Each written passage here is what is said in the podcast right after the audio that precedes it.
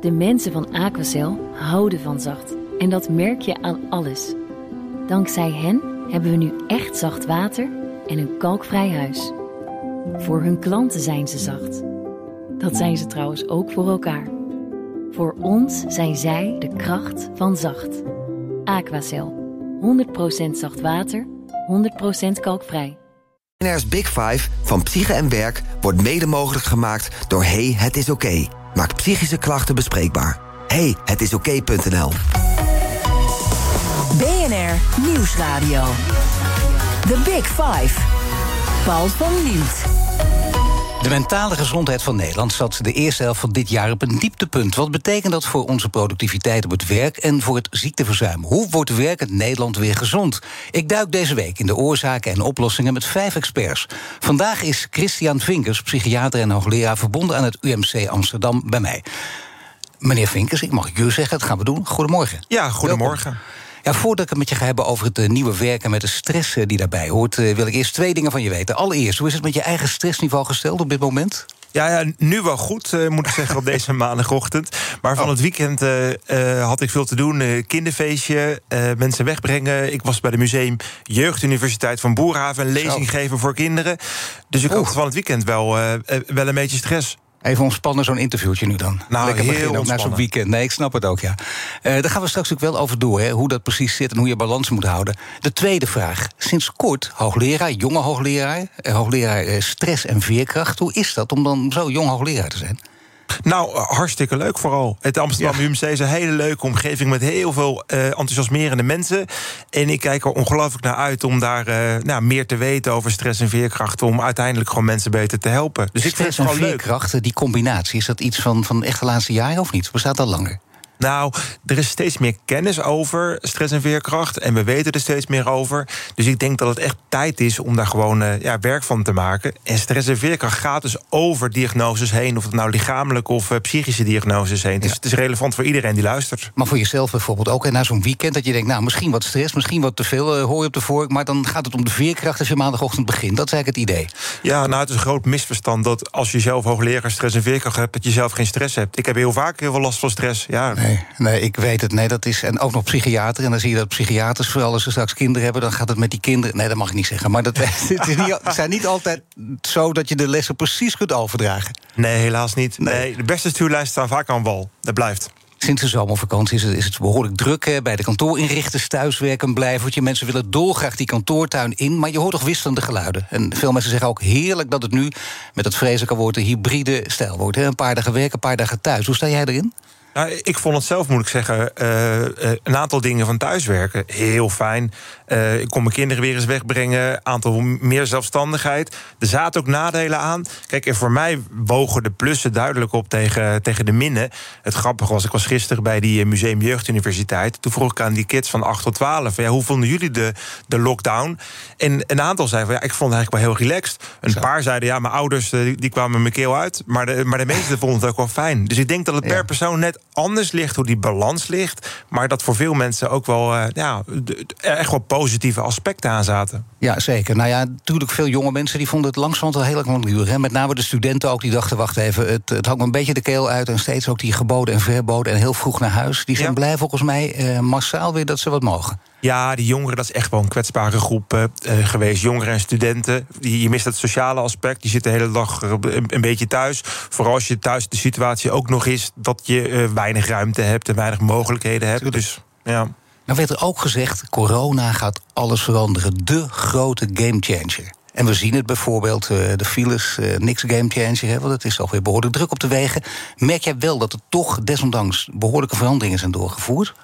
Nou ja, wat je ziet is dat mensen veel makkelijker digitaal afspreken. Dat zie je bijvoorbeeld bij mij als psychiater op de poli. Dat vroeger zeiden ze ja, ik kan niet digitaal afspraken doen. En uh, thuiswerken, hè, werken mensen nog wel. En mensen hebben gemerkt van ja, eigenlijk als je mensen zelf verantwoordelijkheid geeft en je geeft ze wat vrijheid, dan werken ze eigenlijk misschien nog wel beter dan, uh, dan als ze uh, 9 tot 5 op kantoor zitten. Maar wacht even, dit vind ik wel een opvallende. Want uh, gewoon een gesprek of een, laten we zeggen, een begingesprek, dat snap ik nog wel. Maar als ik ergens een klacht heb en ik ben bijvoorbeeld een patiënt bij je en ik kom bij je voor de derde keer, we hebben een gesprek van drie kwartier, laten we zeggen, op de divan, even cliché, dan wil ik dat toch volgens mij liefst één op één in een kamer. Ja. En niet digitaal. Of kan dat ook? Kun je ook die gesprekken, die intense gesprekken, ook digitaal voeren? Ja, deels. Ik denk dat uiteindelijk, kijk, als je voor het eerst bij mij komt uh, als psychiater, dan zul je zien dat het gewoon een kamer is zonder divan. Gelukkig hebben we die al lang niet meer. Maar zul je ook zien dat een eerste gesprek om kennis te maken, ja, dat wil je wel live. Maar stel nou bijvoorbeeld hè, dat je in een behandeling zit en ik wil even inchecken hoe het met jou gaat, even updaten. Uh, uh, dan is het natuurlijk, ja, je kan naar me toe komen en dan kunnen we zeggen, nou, het gaat goed. En uh, tot ziens, weer de wijde wereld in. Ja. Maar sommige gesprekken kunnen prima digitaal. Nee, dat begrijp ik. Maar de echte stevige gesprekken, dat er wat aan de hand is, dat zou ook digitaal kunnen? Ja, je ziet ook bijvoorbeeld cognitieve gedragstherapie. Gebeurt ook voor een eh, gedeelte online. Vaak blended, hè? Dat is eigenlijk gewoon hybride, ja. zullen we maar zeggen. En ik denk wat je ziet, is dat het uh, tot op zekere hoogte ook afhangt van de persoon. Hè? Dus op het moment dat jij zegt, ja, ik vind het heel vervelend, ja, dan gaat het ook niet werken. Maar je ziet dat sommige mensen die ook nog erbij werken en die zeggen, ja, dan moet ik om 12 uur dan uh, ergens heen. Ja, ik, ik log liever thuis in. En uh, dat, dat vind ik net zo prettig dat het ook goed werkt. En je zegt per persoon. Misschien wordt dat wel de rode draad in dit gesprek als we praten over stress en veerkracht. Want dat zeggen we het liefst ook. Hè? Bijvoorbeeld, de Nederlander is veel veerkrachtiger geworden. Of de Nederlander heeft meer stress.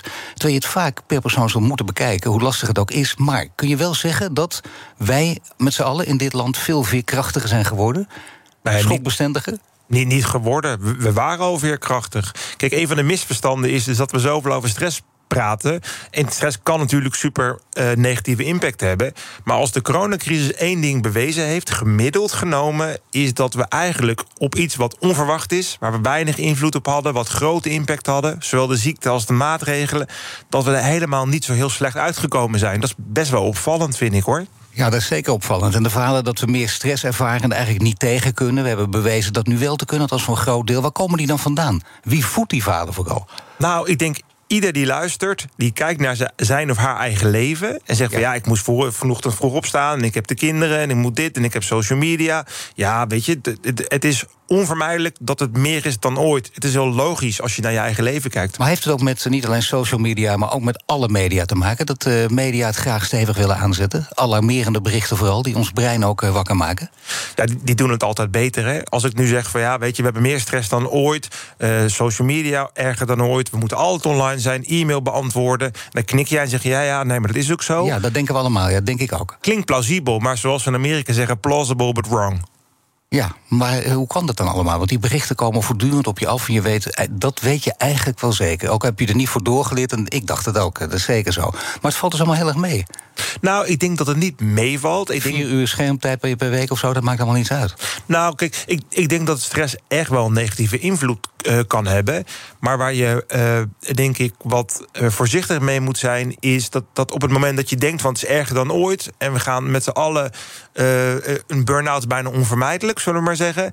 ja, dan, dan praat je elkaar ook een beetje de put in. En die berichten die doen het goed, want het menselijk brein is een beetje... ja, die, die vindt negatief nieuws, ja, daar, daar slaan ze op aan. Dus toch, nee, maar dat blijft toch het interessante. Want dan kun je zelf ook in je eigen rol, bijvoorbeeld ik... als, als onderdeel van de media ook over nadenken. Misschien moet dat minder. Maar het eerste uh, verdedigingsmechanisme is inderdaad als je die kritiek krijgt. Nou ja, goed, maar de mensen willen dat ook. Want dan gaan ze het lezen, dan gaan ze luisteren, dan gaan ze kijken. Ja. Hoe kun je uit die vicieuze cirkel komen?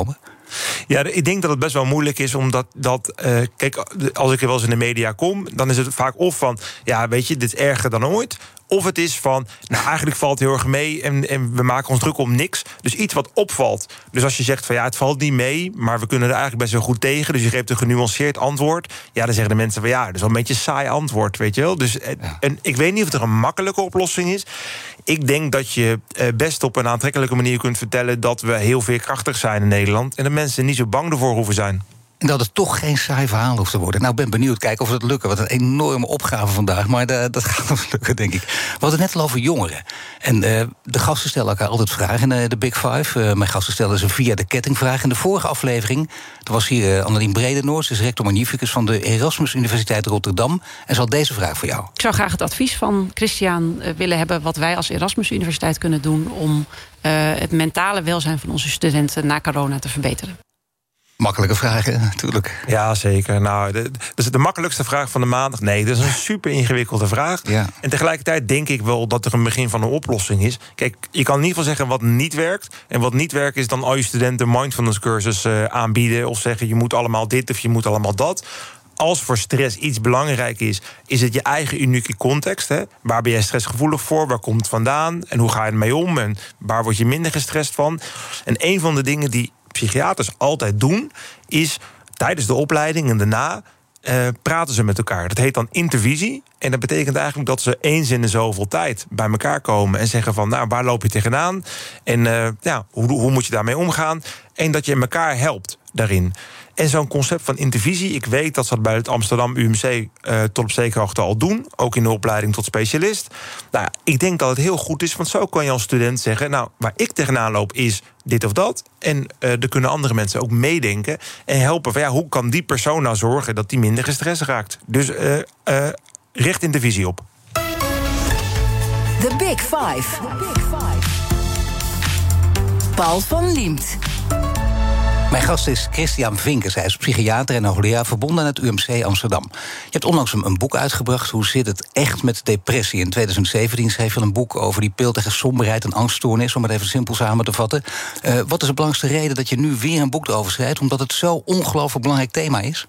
Ja, ik denk dat antidepressiva echt een imagoprobleem hebben. Dus we zijn vaak heel kritisch erop. Hè, als het toch gaat over wat je leest erover en hoe mensen erover praten. Er zijn heel veel vooroordelen tegen antidepressiva. Ja, maar ik ken ook niemand die dat gewoon even zegt. Je zit een gesprekje bij elkaar en je zegt... Uh, wat heb je vandaag gedaan? Nou, ik heb mijn antidepressiva weer ingenomen. Of uh, dat iemand dat zomaar vertelt. Ja, ja en dat, ja, misschien doe je dat ook niet met bloeddrukverlagers of zo... of cholesterolverlagers, vertel je ook niet zomaar in de gesprek. Nee, maar zelfs dat, als het die kant op gaat... die hebben het over gezondheidsproblemen... dan willen mensen daar toch wel eh, af en toe over praten. En, dan, en ook informatie uitwisselen. Maar antidepressiva, dan krijg je meteen toch het stempel, nog steeds.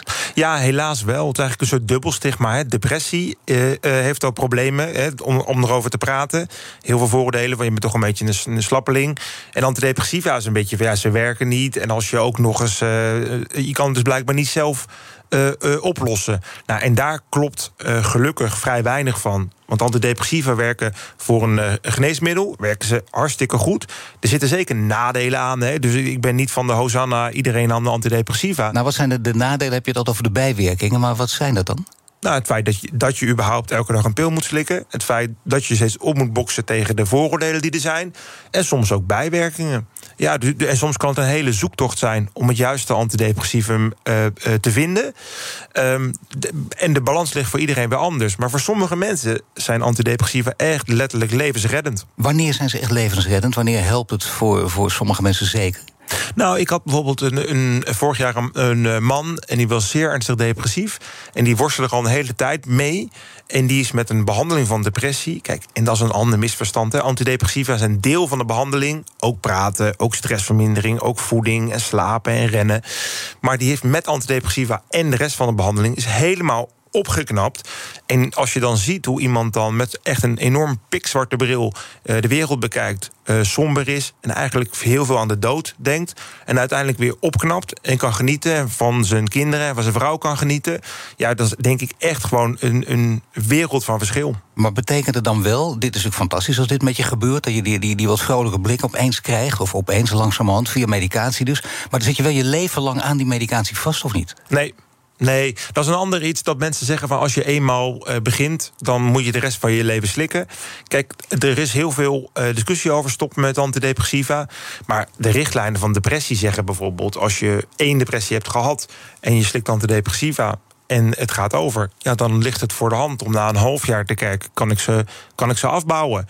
Maar voor, uh, als iemand vier keer een depressie heeft gehad die super ernstig was, ja, en die blijft terugvallen, ja, dan kan je wel zeggen: van, ja, weeg, weeg het stoppen dan op tegen het doorslikken. Dat begrijp ik. Toch uh, zijn er uh, even clashes geweest tussen vakgenoten van jou en veel psychiaters. Daar kun je fantastische programma's mee maken. Dat is ook gebeurd. Veters die een leven lang duren. En dan gaat het over pillen of praten. En voortdurend daar de discussie. de een zweert bij het een, de ander bij het ander. Ja. Hoe komt dat? Dat, dat er altijd op deze manier, ook hier die polarisatie enorm sterk is? Nou, ik, ik, denk dat iedereen zijn eigen kasteel een beetje verdedigt. Ik, ik vind het eigenlijk een vrij oninteressante discussie, moet ik eerlijk zeggen hoor. De, de, de pillen en praten is helemaal niet of-of. Het is en-en. En bewezen is dat de combinatie gewoon effectiever is dan, uh, dan die twee. Maar jij herkent je collega's wel onmiddellijk. Die denken, oh wacht eventjes, die zit zijn eigen kasteel of zijn eigen BV te verdedigen. Nou, als ik nu ga op de radio ga. Maar ik, ik vind nou ja, dat mag. Nou, nou, maar, juist wel. maar dat vind ik niet. Ik, want Nee? want je, de, je hebt ook zo'n eeuwige stammenstrijd tussen eh, psychologen en psychiaters. Hè, die dan, eh, eh, gelukkig is dat voor de huidige generatie in mijn beleving wat minder. Maar het verschil tussen een, een psycholoog en een psychiater is voor de gemiddelde luisteraar het verschil tussen Frank en Ronald de Boer. Weet je wel, het zijn twee voetballers en ze lijken heel erg op elkaar. Ja, er zullen vast verschillen zijn. Dus, dus ik vind het ook een beetje een interne stammenstrijd. En niet zo Ja, terwijl bij psychiaters weet je toch dat ze geneeskunde hebben gedaan... en dat ze ook eh, dus medicijnen mogen uitschrijven. Dat ze er ook vrij makkelijk... Kijk, als je het echt niet meer weet, is het ook natuurlijk vrij gemakkelijk. Nou, meneer, mevrouw, u heeft geen idee. Nou, daar heb ik hier nog wel een... een, een- dan is iemand toch tevreden gesteld. De verleiding is die niet heel groot als psychiater... om dat dan sneller te doen? Ik, ik zou een bijzonder slechte psychiater zijn. Nee, als als jij bij ja. mij zou komen en en ik zeg... nou, ik heb geen flauw idee, Paul, hier heb je een... een nee. Nee. nee, wat je ziet is dat psychiaters en ook huisartsen, hoor... echt wel heel terughoudend zijn en zorgvuldig om te zeggen van ja, ga eerst maar eens, ik weet het niet, wacht eerst maar eens af, ga maar eens hardlopen, waar komt het vandaan? En dan even wachten. Mag ga maar eens hardlopen. Nee, maar dat, dat geeft ook vaak die teleurstelling. hè. Dan heeft iemand echt iets, dan zegt inderdaad... ik hoor de huisarts ook zeggen, ga maar eens hardlopen. Ja. Dan neem je geen genoegen mee. Nee, nou, en, en het, het- wat je vaak ziet, is dat het eh, zoeken is naar de juiste oplossing op het juiste moment. Kijk, op het moment dat jij een week of drie, vier lichte klachten hebt, weet je, dat je s'nachts wakker wordt en dat je geprikkeld bent en dat mensen om je heen zeggen: ja, wat is er aan de hand? Ja, dan, dan is het, ligt het niet zo voor de hand om gelijk antidepressiva eh, eh, voor te schrijven. En dan ligt het wel voor de hand om te kijken van ja, zijn er dingen in je leven? Hè, ben je met de Big Five zo druk bezig dat je allemaal stress eh, krijgt en het daar vandaan komt? Of is er iets anders lichamelijks aan de hand? En dan dus, als je zegt van ja, je beweegt bijna niet, ja, dan is dat, ligt dat veel meer voor de hand dan antidepressiva. Maar er komt een moment waarop jij dan na een aantal maanden van somberheid zit en zegt van ja, het, gaat nog steeds niet. Ja, en dan is het dan niet meer adequaat om te zeggen van ja, oké, ga maar hardlopen. Dan kun je denken, er is echt iets aan de hand... en dan moet je ook inderdaad gaan praten. Dan wordt het wel lastig, want dan krijg je met schaamte te maken. Je hebt het nu wel over dat je daar met je mensen en je omgeving over praat... maar heel veel mensen zijn hier nog steeds gesloten over. Ik had ook een beetje idee, dat is toch een generatiekwestie. Eh, de, de oudere, echt oudere generatie, eh, zelfs de mensen die, die nog net de oorlog hebben meegemaakt... helemaal niet zuren, de generatie daarna nog. En daarna werd het steeds wat minder. En de huidige generatie praat er iets makkelijker over. Is dat, heb je de indruk dat het ook zo is of niet? Ja, wel een beetje zo. Ik denk dat het heel goed is. Kijk, we- doen eh, volgens mij heel selectief kritisch over antidepressiva. En selectief zijn, we daar, zijn, zijn- daar stigma's over. Dat is ook een beetje het, het, het verschil. Hè? Dat als iemand dan eh, uitvalt eh, met een depressie op het werk... Ja, dan, dan krijg je geen kaartjes met beterschap. En als je antidepressiva slikt, doen we er moeilijk over. En als je iets lichamelijks hebt, dan krijg je fruitmanden bij de vleet. Ja, nou ja, goed. We vinden nog steeds. Misschien een beetje een aansteller. En dat ligt aan jezelf, karakterzwakte. Al die etiketten worden daar opgeplakt. Terwijl heel veel mensen ermee te maken hebben. Maar waar komt het vandaan? Want ik bedoel, juist als je psychiater bent, is het toch heel interessant om dat ook te weten. Ja. Wat ik denk is dat mensen naar zichzelf kijken en zeggen van nou, hoe ziet mijn somberheid eruit? Nou, dan, dan denk je, nou, ik heb wel eens een dag dat ik minder in mijn vel zit. Dat extrapoleer je dan naar een depressie en zeg je, nou, dat zal wat ik zelf voel zijn en dan een beetje erger. En dan zeg je van, nou ja, bij mij gaat het ook over, dus dan zal het. Dus je maakt een denkfout omdat de mate van somberheid en de mate van wanhoop eh, is niet te vergelijken met je normale gevoelsleven, wat ook op en neer gaat. Dus ik denk dat mensen die denkfout maken en zeggen van ja, ik zit ook wel eens niet lekker in mijn vel. Ja, met alle respect, dat is zo. Maar dat heeft helemaal niks met een depressie te maken. Maar dan zou je denken, als je een jonge bevlogen psychiater bent, dan wil je dat echt eh, met de wereld delen en roepen: mensen schamen u niet, schreeuw het bijna van de daken, want we zijn er allemaal bij gebaat en geholpen. En je doet het ook af en toe. Ik las een stuk in de Volkskrant, eh, een stuk zeg je: ik zou wel willen dat er een BN'er was die voor de psychiatrie een berg ging opfietsen of langs elf steden ging zwemmen, Maarten van der Weijden voor kanker deed. En dan geven mensen ook heel veel geld en mensen begrijpen dat ook. Ja. Maar een BN'er die hierover praat, ja, Hugo Borst, af en toe heb je er een die dat doet, echt mondjesmaat. Zou het helpen als dat veel meer gaat gebeuren? Ja, dat zou, dat zou enorm helpen. We hadden zelfs gezegd sexy BN'ers, met je tong in cheek eh, Ja. stuk was het ook. Eh, recent was Joshua Nanette van Chefs Special... die over zijn antidepressiva praten. Ik hoor het vaker langskomen. Ik hoorde ook ehm, eh, eh, Benny Jolink die op, op één vertelde van ja, mijn depressies zijn 10, 20 keer erger dan toen ik helemaal aan de kreukels lag, toen ik van mijn motor viel. Dus ik, ik denk ook dat, dat er steeds meer openheid ook, ook over is. We hoorden aan het begin die hey, het is oké. eh, eh, campagne ook langskomen. Het lijkt me ongelooflijk. Je hoeft niet met iedereen te delen. Hè, dat is een Nee. ander misverstand. Je hoeft niet Nee. eh, overal binnen te komen. Hallo, ik ben depressief. Ja, Nee. dat, dat, dat- maar je, je hoeft je er niet voor te schamen. Het is niet een teken van zwakte. En het kan iedereen overkomen. Het zou ook helpen als mensen uit het vak zelf daarover praten. Eh, ken je psychiaters of jij zelf misschien... die er ooit een periode last van hebben gehad? Ik, heb zelf gelukkig nog geen depressies gehad. Maar ik eh, heb het ook dichtbij bij vrienden en familie meegemaakt. Herken jij het ook meteen? Nee, dat niet altijd. Omdat mensen er ook niet altijd over praten. En een van de lastige dingen van een depressie is... kijk, als je been gebroken is, eh dan zie je. Heb je een mooi gips eh, eromheen. Maar als je een depressie hebt, kan het best zijn... dat iemand nog wel aan de buitenkant probeert om een masker op te houden. Mag ik heel kort even praten, we straks langer over door... maar bijvoorbeeld je partner, iemand die je elke dag ziet... dan heb je toch als psychiater dat meteen in de gaten, of niet? Nou, je hebt in de gaten dat er iets aan de hand is. Dus wat mensen vaak zien, is van... hé, hey, het gaat niet goed. Maar wat het dan is, hè, dan wijten ze aan de stress... en dan gaan ze een tijdje door.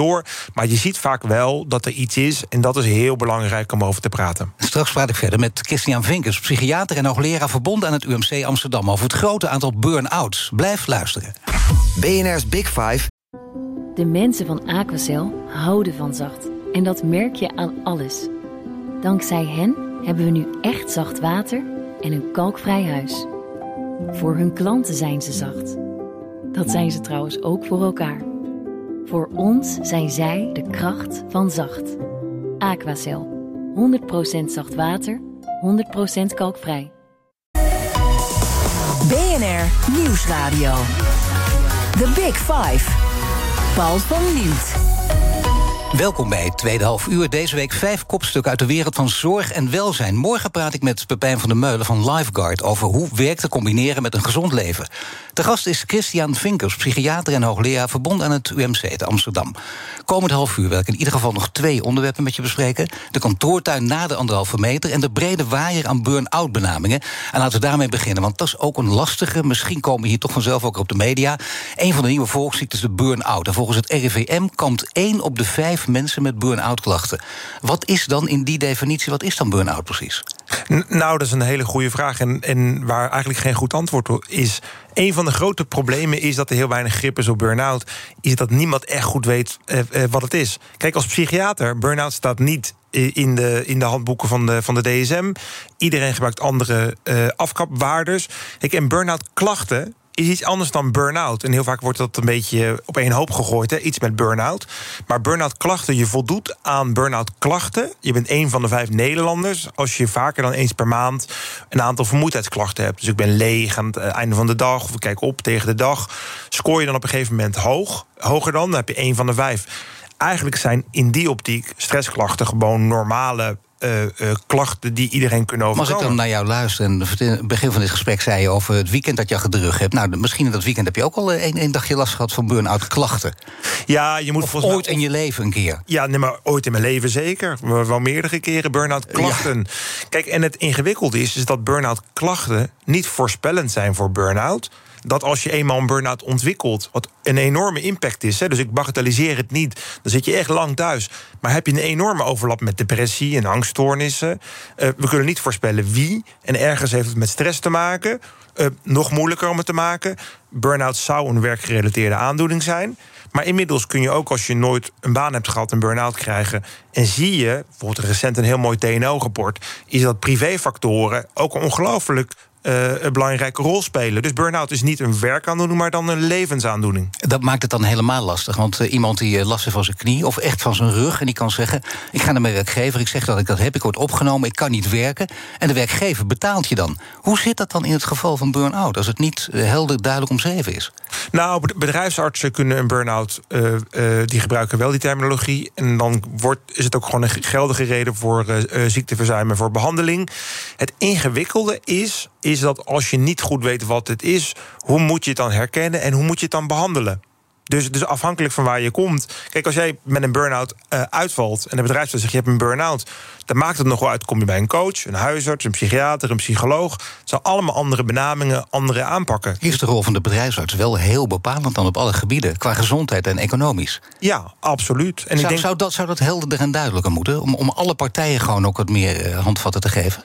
Een van de grote uitdagingen is dat uh, het burn-out veld heel versnipperd is. En dat er heel veel meningen bestaan. En eigenlijk de basis van kennis om het goed aan te pakken heel beperkt. Nou hebben we uh, recent met een heel aantal mensen, met bedrijfsartsen, met arbeidspsychologen, uh, met arbodiensten ook, maar ook met neurowetenschappers en, en, psychologen, een soort plan gemaakt om het te gaan onderzoeken. We zijn er nog aan het schrijven. Om eigenlijk veel eerder in het proces te kijken naar stress, naar stressprofielen, waarbij je organisatie en individu met elkaar combineert. Want wat je vaak ziet dat uh, uh, organisatorische dingen apart zijn van wat het individu doet. En dan zeggen mensen van ja, een weerbaarheidstraining voor een individu. Een burn-out, dat betekent dat mijn werkgever anders dingen moet doen. Dat onze maatschappij andere eisen moet hebben voor wat ze van ons vragen. Maar dat multidisciplinair maar geleerd woorden gebruiken, onderzoek waar jullie nu aan bezig zijn, dat lijkt me nogal belangrijk. Hè? Straks de uitkomsten. Daar kunnen heel veel mensen dus wat mee. Die kunnen ook zeggen wie moet wat betalen, wie bepaalt of je het wel of niet hebt. En we weten ook iets duidelijker. Ik probeer nu wel het heel rooskleur voor te spiegelen, maar toch, dat hoop je ook. We weten iets duidelijker wat er echt aan de hand is. Ja, en ik denk dat als je in plaats van het gaat hebben over burn-out, over uh, vroegherkenning, hè, over preventie van, van stress ook, dan kan je bijvoorbeeld, we weten steeds meer over, ook als stressonderzoeker, van wanneer gaat het nou mis. En dan kan bijvoorbeeld een signaal dat jij stressklachten hebt, kan leiden dat jij iets moet doen. Maar kan ook zeggen, ja, werkgever, dat betekent dat jij dingen moet aanpassen in je werkomgeving. Dus je ziet dat die integratie super belangrijk is en dat die fragmentatie eigenlijk maakt dat niemand echt probleemhouder is van het probleem burn-out. Ja, dat is dan uh, ja, zeggen de olifant in de kamer. Niemand is probleemhouder. Dus dan ja, moet iemand dat worden? Is dat duidelijk, uh, laten we zeggen, een gewenst doel voor jou? Ja, en, en iemand zou eigenlijk de, de, verschillende partijen moeten, de verschillende disciplines. Kijk, burn-out is eigenlijk, heeft zoveel uh, uh, facetten dat je eigenlijk niet, net als een diamant, heeft heel veel facetten, dan moet je niet uh, kapot maken, want dan maak je de diamant kapot. Die moet je combineren met elkaar. Dus sociologie en de psychologie en de neurowetenschappen en de, de arbodiensten en bedrijfsartsen. Allemaal hebben ze een stukje van de puzzel die we samen moeten leggen. Wat is het in de praktijk? Als jij nu met patiënten praat, dan kun je natuurlijk wel uh, rode draden zien, dan kun je ook patronen zien. Uh, wat betekent het? Wat ik lees bijvoorbeeld is: je hebt pas een burn-out, je hebt echt pas een burn-out als je een, een half jaar echt niet je bed kan uitkomen. Of je ligt op een bank en je kunt letterlijk niet opstaan. Ik vraag het zelf ook heel vaak aan mensen die het gehad hebben of denken te hebben. En dan ja. wil je precies weten wat het dan is. Maar zijn dat dan belangrijke symptomen of moet je ergens anders op letten? Nou, er is een richtlijn uh, burn-out en overspannenheid. En die zeggen van nou, je moet minimaal zes maanden hebben. Ja, maar sorry dat ik even, maar even los van de richtlijn. Even wat je zelf meemaakt in je praktijk. En dat je denkt, nou, dit, dit komt vaak terug. Dit zijn patronen die ik herken. Nou, ik, ik nou als je het aan mij vraagt, zeg ja. ik, ik vind als psychiater... ik kan geen burn-out goed diagnosticeren. Ik zou niet weten hoe. Zo. Nee, want, want het ingewikkelde is... Kijk, als mensen zeggen... ik heb al zes jaar last van vermoeidheidsklachten... en ik heb, ik, het lukt me niet en uh, ik ben vaak somber en angstig en piekeren... Uh, dan voldoe je bijna altijd ook aan de criteria voor een depressie. En, en wat je doet is die twee dingen aan elkaar trekken... en zeggen van nou, burn-out is echt iets anders dan depressie... Maar mijn wedervraag is, ja, ik, ik weet het niet. Dat is het mooie van wetenschap. Hè. Wetenschap probeert zichzelf een beetje onderuit te halen. Maar ik denk dat we heel kritisch moeten zijn op het concept uh, burn-out. Niet de lijden, hè, het lijden of de impact ervan. Want dat is enorm. Maar als we doen dat het een aparte aandoening is... die goed omschreven is, die goed te diagnosticeren en goed te behandelen is... ja, dan houden we elkaar voor de gek. Maar dat is inderdaad wel een, een, stevige uitspraak. Want ik bedoel, jij als psychiater zou dat natuurlijk wel moeten weten en moeten kunnen herkennen. Omdat er zoveel consequenties aan verbonden zijn. Ja. Mensen willen het ook graag weten. Het is voor jezelf ook geruststellend in geluk. Dan weet je tenminste wat je hebt. Ja. Uh, maar ja, dat geldt ook voor uh, straks. Uh, wie is inderdaad verantwoordelijk voor? Wie moet het betalen? Zo werkt het ook op het werk natuurlijk. En dan moet je dat weten. Dat is, dat is, laat ik het anders proberen te vragen. mensen die het nu hebben, van je zegt, nou, dat weet ik 100% zeker, dat is een burn-out. Komt het dan overeen met de symptomen die ik net beschreven heb? Dat het ook tenminste zes maanden moet duren, of in ieder geval een hele lange periode? Ja. Dat, je, dat je dus echt ook letterlijk niet meer kunt opstaan. Dat, dat soort acute reacties die je merkt bijna. Of, of langzame reacties misschien, maar dat je iets extreems aan jezelf merkt. Ja, nee, dat kan zeker. Maar ik denk dat het als iets burn-out kenmerkt, is het uh, vele soorten en maten. Dus er zullen mensen zijn die in één keer uitvielen, niet meer konden lopen, amper van de bank afkomen, die heel vermoeid zijn. Maar er zullen ook mensen zijn die in die lichtere vormen hebben, die bijvoorbeeld heel labiel worden, of die heel prikkelbaar zijn, of die heel somber zijn. En dat, dat, dat scharen we nu onder de noemer burn-out. Maar burn-out staat niet in de DSM, het handboek van de psychiaters. Dus er wordt per definitie niet binnen de geestelijke gezondheidszorg gebruikt als, uh, als diagnose. Dus het is een diagnose die wij als psychiaters niet kennen. Kijk, ik vind psychiaters moeten zich zeker met burn-out bemoeien. En moeten helpen om met je helderheid te, te scheppen. Mede, niet als enige, niet dat wij de redders zijn en dat kunnen doen. Maar we kunnen wel helpen met elkaar om die puzzel te, te leggen. Kijk, in de richtlijn staat bijvoorbeeld overspannen is korter dan zes maanden en uh, burn-out is langer. Maar dat is gewoon wat je met elkaar afspreekt. Dat is gewoon een semantische kwestie. Maar je kunt ook zeggen, we gaan voortaan in de toekomst spreken. Dat zou kunnen. Stel dat dat uit wetenschappelijk onderzoek blijkt. Dan zou het bijvoorbeeld kunnen dat je voortaan gaat spreken in de toekomst van overspannenheid. Burn-out schrappen we. En je, de volgende stadium is uh, depressiviteit in bepaalde mate. Licht of hevig. Ja, zo is en, dan, en dan zou burn-out kunnen wegvallen omdat we niet precies weten wat het is. Ja, maar eigenlijk schrijf je dan de hete aardappel door naar overspannenheid hoor. Dus, dus dat risico loop je natuurlijk wel. Kijk, uiteindelijk denk ik, een van wat jij nu zegt, denk ik een kernpunt. Dat is namelijk onderzoek moet uitwijzen dat en als één ding heel belangrijk is, is de discrepantie tussen hoeveel we praten over burn-out, burn-out klachten en hoe weinig we erover weten en discipline samenwerken. Uh, we investeren er ook weinig in. Kijk, uiteindelijk, hè, als het miljarden kost aan werkgevers en een enorme impact en leed die het heeft. En als Nederland BV we niet investeren, als overheid niet, als werkgevers, als, als met elkaar, om dat te doen. Ja, je, je oogst wat je zaait. En als je amper investeert, dan zeg je ja, we kunnen de puzzel nog steeds niet oplossen. Zou ik zeggen, ja, dat, dat verbaast me helemaal niks. Nou, dan maak je inderdaad, om, uh, laten we zeggen, interviews met, met deze mensen die ook verantwoordelijk voor zijn, die zeggen dan we zijn ermee bezig of er is een commissie opgericht. Dan krijg je dat soort antwoorden en je zegt dat is dan te laat. Is er in corona wat gebeurd dat bijvoorbeeld hoger op de politieke agenda staat in Den Haag? nou, ik denk dat, dat zowel het uh, ministerie van Sociale Zaken als VWS, die hebben echt wel scherp dat het een groot probleem is. Het is een wicked problem, omdat niet één partij het op kan lossen. Dus je hebt gewoon meerdere mensen nodig. Maar recent zijn ook tafels ge, uh, ontstaan waarin alle partijen met elkaar samenkomen. Ja, ik, ik, ben natuurlijk een beetje gebiased, maar de eigen plannen met de hele partijen om met, met stress uh, eerder te kijken en burn-out uh, tegen te gaan. Ja, ben ik ook wel tamelijk enthousiast over. Ik denk dat er echt wel optimisme mag zijn, maar je mag ook wel ja, kritisch optimistisch zijn. Nu uh, spraken we uh, van tevoren even kort met elkaar. Toen had je het over Maxima. Dan zeg je, nou luister even, die Maxima die mag niet onvermeld blijven tijdens het interview. Die heeft belangrijk werk verricht. Ja. Niet dat ze zelf een burn-out heeft, voor de duidelijkheid. Mensen denken misschien dat ik dat nieuws nu aankondig. Dat is het niet, hè? Nee, het, vorige week was de lancering van Hoofdzaken. En Hoofdzaken is een initiatief van uh, van NWO, van Mind en van de Hersenstichting. Om eindelijk wat te doen om de partij bij elkaar te brengen. En eigenlijk een voor over alle hersenaandoeningen heen, hè, psychisch, neurologisch, dus van dementie, depressie, Parkinson. Om met elkaar te kijken, laten we uh, fundamenteel onderzoek en de praktijk verbinden. Het perspectief van de patiënten met elkaar uh, uh, verbinden. En ook daar nou eens een keer echt goed in investeren om daar stappen in te nemen. En daar was uh, aanwezig om, om dat manifest van de hoofdzaken om dat te ondertekenen. En het is vooral belangrijk omdat het daarmee niet alleen, zoals het dan heet, een beetje lelijk op de kaart staat, maar ook omdat iedereen er weet wat er aan de hand is. En dat het ook misschien dat taboe er een beetje afgaat. Ja, en dat hoop ik heel erg. En dat er wat gebeurt. Het gaat niet alleen maar om geld. Het gaat om bewustwording. Het gaat om samenwerking. Maar het gaat ook over investeringen. Dat, dat, daar moeten we gewoon heel eerlijk over zijn. Als je niet investeert, ja, dan, dan ga je heel weinig op uh, krijgen. We praten zo verder, maar er staat iemand uh, heel gestrest tegenover je.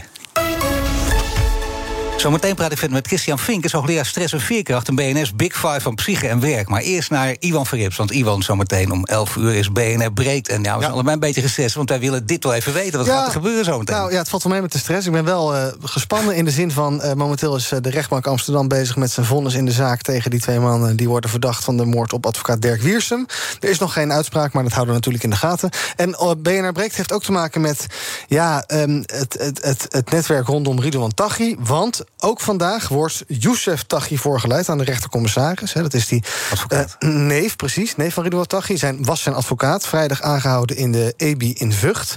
Hij zou het eh, contact tussen Ridouan Taghi en de buitenwereld hebben verzorgd. En eh, ook zou er zijn gesproken over uitbraakplannen.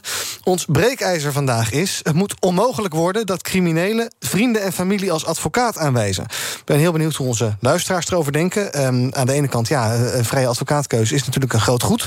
Maar aan de andere kant, ja, eh, misschien vind je het ook wel onvoorstelbaar... dat een van de grootste criminelen van deze tijd... althans verdachte, maar goed, daar gaan we dan toch maar even vanuit... Ja. zijn neef nota bene als advocaat kan en mag aanwijzen. Nou, ons breekijzer dus. Het moet onmogelijk worden dat criminelen... vrienden en familie als advocaat aanwijzen. Ik praat er om 11 uur over met een panel... met een deskundige, met strafrechtadvocaat Richard van der Weijden... en ik ben benieuwd hoe onze luisteraars erover denken. Die kunnen bellen naar 020 468 4 keer 0 020 468 4 keer 0 En dan kijken we met een schuin ook, ook nog eventjes naar de uitspraak in de zaak Wiersum. En als daar nieuws over is, hoor je dat natuurlijk hier. Ja, mooi ook de wel belangrijk onderwerp. Straks dus bij Iwan in BNR Breekt. BNR Nieuwsradio. The Big Five. Paul van Liemt. Je luistert naar BNR's Big Five van Psyche en Werk. Later deze week praat ik nog met Ninette van Hasselt van het Trimbos Instituut... over het effect van alcohol en drugs op het brein. Mijn gast is Christian Vinkers, psychiater en hoogleraar... verbonden aan het UMC Amsterdam. Ja, hoe goed is er omgekeken naar het, naar het personeel in coronatijd? Want dat is ook een belangrijke factor. Ja, eh, ik denk dat, het, eh, eh, dat het in het begin echt heel erg omschakelen was. En heel erg onzeker is. Ik denk dat heel veel werkgevers op een gegeven moment wel hebben ingezien. van ja, we moeten ons personeel ook al vrijheid geven. Ja, afhankelijk van in welke branche, welke sector je zit, is dat makkelijker of moeilijker om thuis te werken en daar flexibel mee om te gaan. Ja, nu merk je wel dat eh, met name in deze sector, per sector verschilt het, maar in deze sector eh, vallen nog wel eens mensen uit. En eh, is het heel erg lastig om ook goede mensen te krijgen. Dat weten we ook al jaren. Dus de stress neemt hand over hand toe. Mag je hier wel zeggen in deze sector dat dit er echt bovenuit springt en dat hier dus op korte termijn ook iets gedaan moet worden? Gaat het over de zorgsector, bedoel je dan? zorgsector. Ja, dat, dat denk ik wel. Kijk, als, als er iets duidelijk is geworden hoeveel klappen er opgevangen zijn door die zorgsector, eh, op de IC's, maar ook al in de ziekenhuizen zelf. Eh, eh, er zijn nu ook nieuwe onderhandelingen over de CAO, over de investeringen. Ja, en als iets belangrijk is, is dat, dat is wel gebleken uit de coronacrisis, hoe belangrijk het is om goede gezondheidszorg te hebben en ook de wetenschap die geleid heeft tot doorbraken in de zorg. Ja, en genoeg mensen vooral ook. En genoeg goede mensen. Want dat is, mag ook denk ik niet onbesproken blijven. Dat je, we hadden het over overspannenheid, we hadden het over burn-out, we hebben het ook over depressie. Maar ja, die mensen moeten dus snel geholpen worden. Dat wil zeggen, geen wachtlijsten. En hoe staat het met die wachtlijsten? Nou, nog niet veel beter dan een paar jaar terug is helaas mijn, Nee. mijn, mijn treurige nieuws. Kijk, één, dat is natuurlijk een doorn in het oog van iedere eh, psychiater, maar ik denk van iedereen in Nederland. Hoe kan het nou dat we eh, zulke lange wachtlijsten hebben voor de geestelijke gezondheidszorg? En dat gaat over dat een aantal zaken. Dat gaat over de manier waarop het georganiseerd is. Soms te gespecialiseerd, hè, dat je van het ene loketje naar het andere loketje gaat. Eh, ook dat de vraag is toegenomen. En want als je zegt van hé, hey, het is oké, praat erover, zoek laagdrempelige hulp. Ja, dan ga je dat ook krijgen. Dus dan moet je die Ja. capaciteit ook hebben om dat, eh, om dat te doen. En denk ik ook dat eh, toch ook dat de professional in de zorg, hè, de psycholoog, de psychiater, de verpleegkundige specialist, minder centraal is komen te staan en minder autonomie heeft. Dus er is veel bureaucratie over hoe je dingen moet regelen en veel dat er veel Alles minder. opschrijven, ook voortdurend. Protocol, ene protocol naar het andere natuurlijk. Dat is het ja. Als je met mensen uit deze wereld praat, gaat alleen maar daarover bijna. Tenminste, als ze even de kans krijgen om te klagen. En dat mag ook af en toe. Ja. Heel prettig om dat, om dat eruit te gooien. Maar dat, ja, jammer ook dat dit dan zo lang moet duren. Ja, ik, Kun, je- ik kun je daar als frisse jonge psychiater gewoon niet even nu met eh, de oplossing voor komen? nou, ik denk, Nu je ik toch op weet, de radio bent? Ja, nou, dat zou fantastisch zijn natuurlijk. Als ik dan, eh, het, er is denk ik geen, geen quick fix. Maar ik denk wel dat, dat er een weg voorwaarts is. En dat zie je ook voor een gedeelte al. Maar dat zou denk ik nog veel sterker mogen. Zet de professional aan het roer. Met minder bureaucratie, meer autonomie om dingen te regelen. Kijk, als jij eh, ergens bij een geestelijke gezondheidszorginstelling aankomt. En je moet eerst kijken naar in welk bakje val je. En dan moet je een intake. En dan zeg ik van nou ja, je valt niet onder mijn bakje, je moet naar een ander bakje. Ja. Kijk, uiteindelijk wil je dat ik met jou praat, dat ik jouw verhaal hoor en snap wat er aan de hand is. Dat je goed geholpen door iemand die bekwaam is. En dan zegt, nou, weet je wat jij nodig hebt? We maken een behandelplan, je moet daarheen. Dus iemand die je snel op de goede plek eh, eh, wijst. Dus de professional in de lead is volgens mij ongelooflijk belangrijk als het gaat om die wachtlijsten.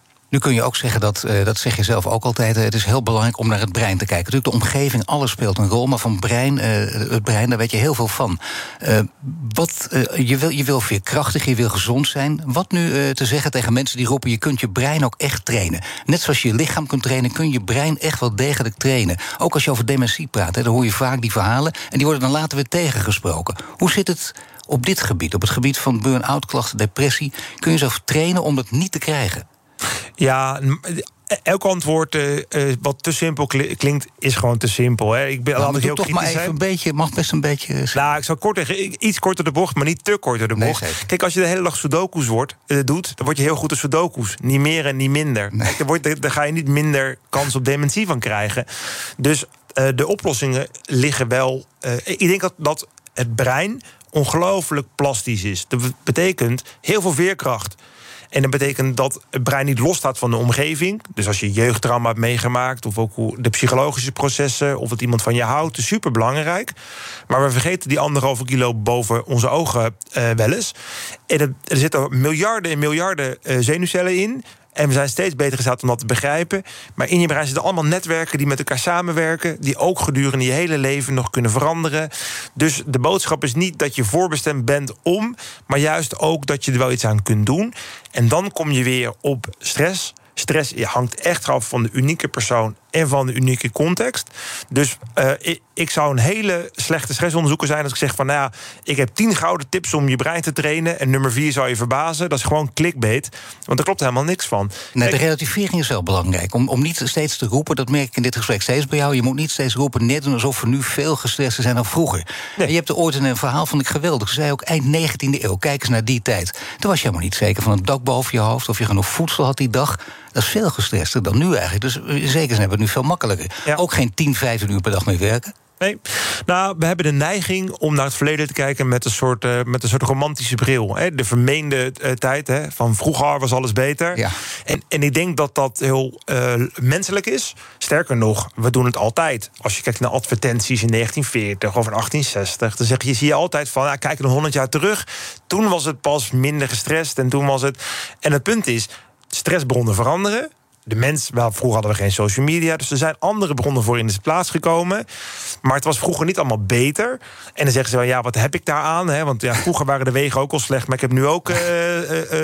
En dat is vooral om aan te geven dat je niet zo bang voor hoeft te zijn. Dat stress ook een heel normaal proces is. Hè? De, de beroemde stressonderzoeker Hans Selye die zei: van, ja, de enige manier om geen stress te hebben, ja, is als je dood bent. Ja, nee, dat is inderdaad dat is toch de gouden tip dan, hè, die er uiteindelijk toch uit Ja, is er dit gewoon. We hebben de kettingvraag. Je hebt er één beantwoord, nu mag je een kettingvraag stellen.